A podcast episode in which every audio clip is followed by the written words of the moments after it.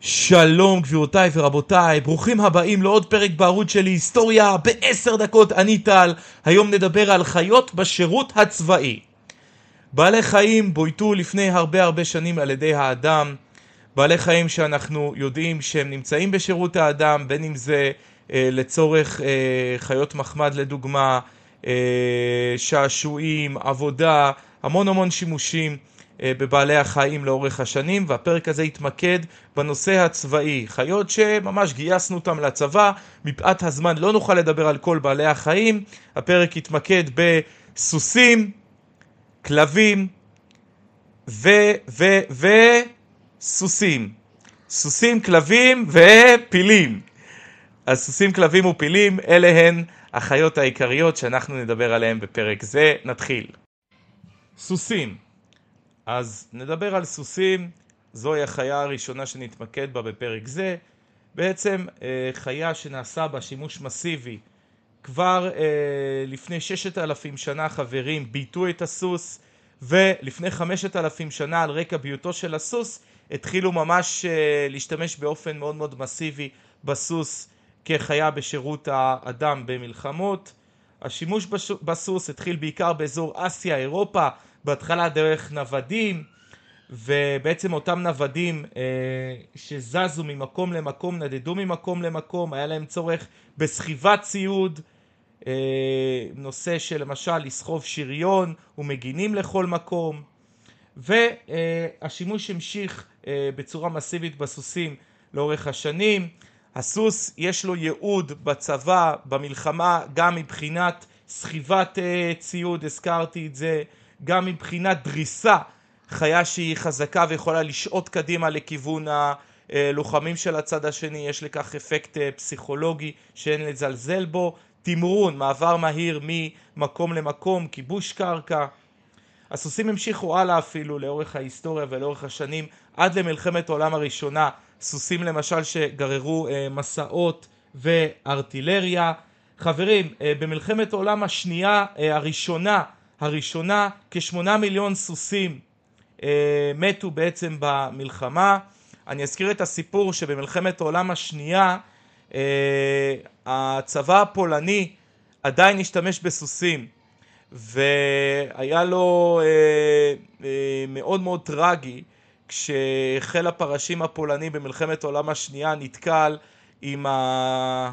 נתקל מול השריון והטנקים של הוורמאכט של הצבא הנאצי הפולנים, הצבא המיושן עדיין השתמשו בסוסים והפרשים שלהם פתאום נתקלו מול מפלצות שריון ענקיות של הצבא הנאצי במלחמת העולם השנייה כאשר הנאצים כבשו את פולין ולצבא הפולני לא באמת היה סיכוי. לפנות את השבילים כי אנחנו הפילים במלחמה. חברים, תאמינו או לא, גם בפילים נעשה שימוש במלחמה. אני בתור חייל, אה, אם אני אראה פיל מולי אה, של כוח האויב, אני מאוד מאוד אפחד. זה אם תרצו המרכבה סימן 4 של פעם, מאוד מאיים, מאוד מפחיד. גם אה, מאוד קשה לשלוט על פילים, הרבה יותר מסוסים, הרבה יותר קשה לאלף חיה כזו, חיה הרבה יותר פראית. בכלל ביות של פילים היה לפני הרבה שנים באזור הודו, לפני 4,000 שנה. הסיפור הממש ההיסטורי הראשון אה, שמתועד על שימוש אה, בפילים אה, לשימוש צבאי הוא הסיפור על חניבל. חניבל המנהיג הידוע של צבא קרתגו, אותו, אותו חבר שהוביל צבא, צבא של חבורה שנלחמה ברומאים באמצעות פילי מלחמה, לוחם שהיה רכוב על פיל ונלחם מלמעלה, הם הצליחו ממש להסב הרבה נזקים לרומאים להציק להם. והרומאים אה, נחלו מפלות משמעותיות מול אה, צבא קרתגו שהיה בנחיתות מספרית משמעותית אבל בזכות אותו נשק אה, סודי ומפחיד של פילים אז הם הצליחו להפתיע את הרומאים להציק להם ולהיאבק מולם במיוחד גם שהיה להם מנהיג דגול כמו חניבל אז לפילים היה כוח דריסה שאין לזלזל בו כמו שאמרתי, לא פשוט להתמודד מול פיל שרץ מולך. אה, מחקרים אה, שאלו את עצמם איך הפילים בכלל הצליחו לשתף עם פעולה עם אה, אנשים בזמן מלחמה. אז לפי המחקרים, תאמינו או לא, איך הצליחו להשתלט על אותם פילים, לאלף אותם, ואיך הפילים הסכימו להילחם עם בני האדם מול צבא אחר. השקו אותם באלכוהול, והאלכוהול גרם לפילים להיות יותר נחמדים ומאולפים. אה, הזכרתי גם, יש פרק בערוץ שלי על החשמונאים מול, ה... מול אנטיוכוס, הסלאוקים, היוונים, אז גם לסלאוקים, ליוונים, אה, היו פילים, אה, ויש את הסיפור על אלעזר מבני החשמונאים שהצליח להיאבק בהצלחה מול פיל. ותאמינו או לא, היה סיפור היסטורי בשם קרב רפיח. קרב רפיח, היו שם סלאוקים, גם יוונים, שנלחמו מול אה, מצרים.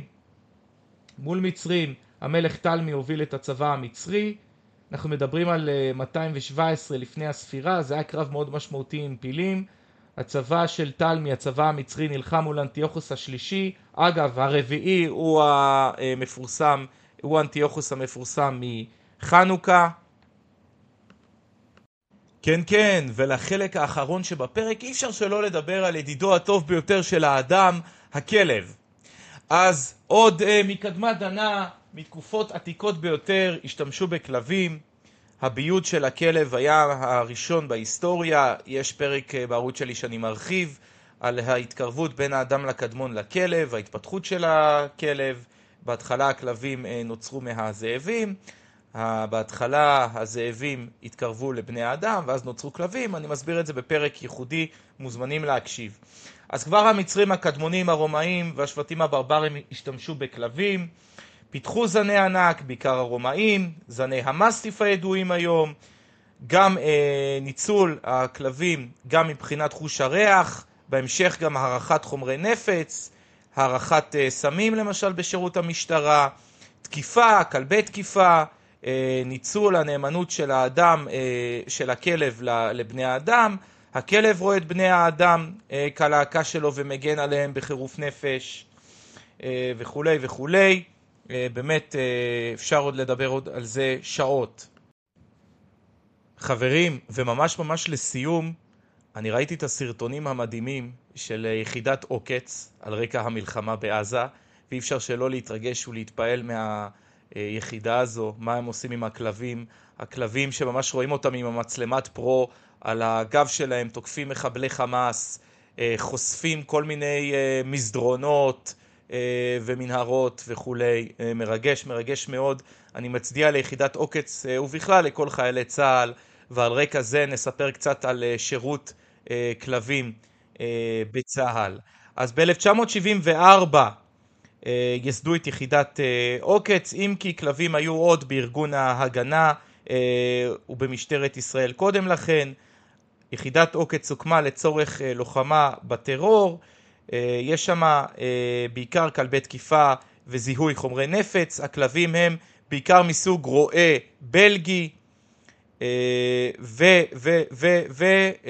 וממש מצמידים בהכשרה כלב לכל לוחם. ונוצר ממש קשר אה, מדהים בין הכלב ללוחם, והרבה פעמים אחרי השירות, אה, אחרי שהלוחם משתחרר מהצבא, אז הוא לוקח איתו גם את הכלב כחיית מחמד, וזה ממש ממש מדהים אה, לראות את זה ולקרוא כתבות על זה.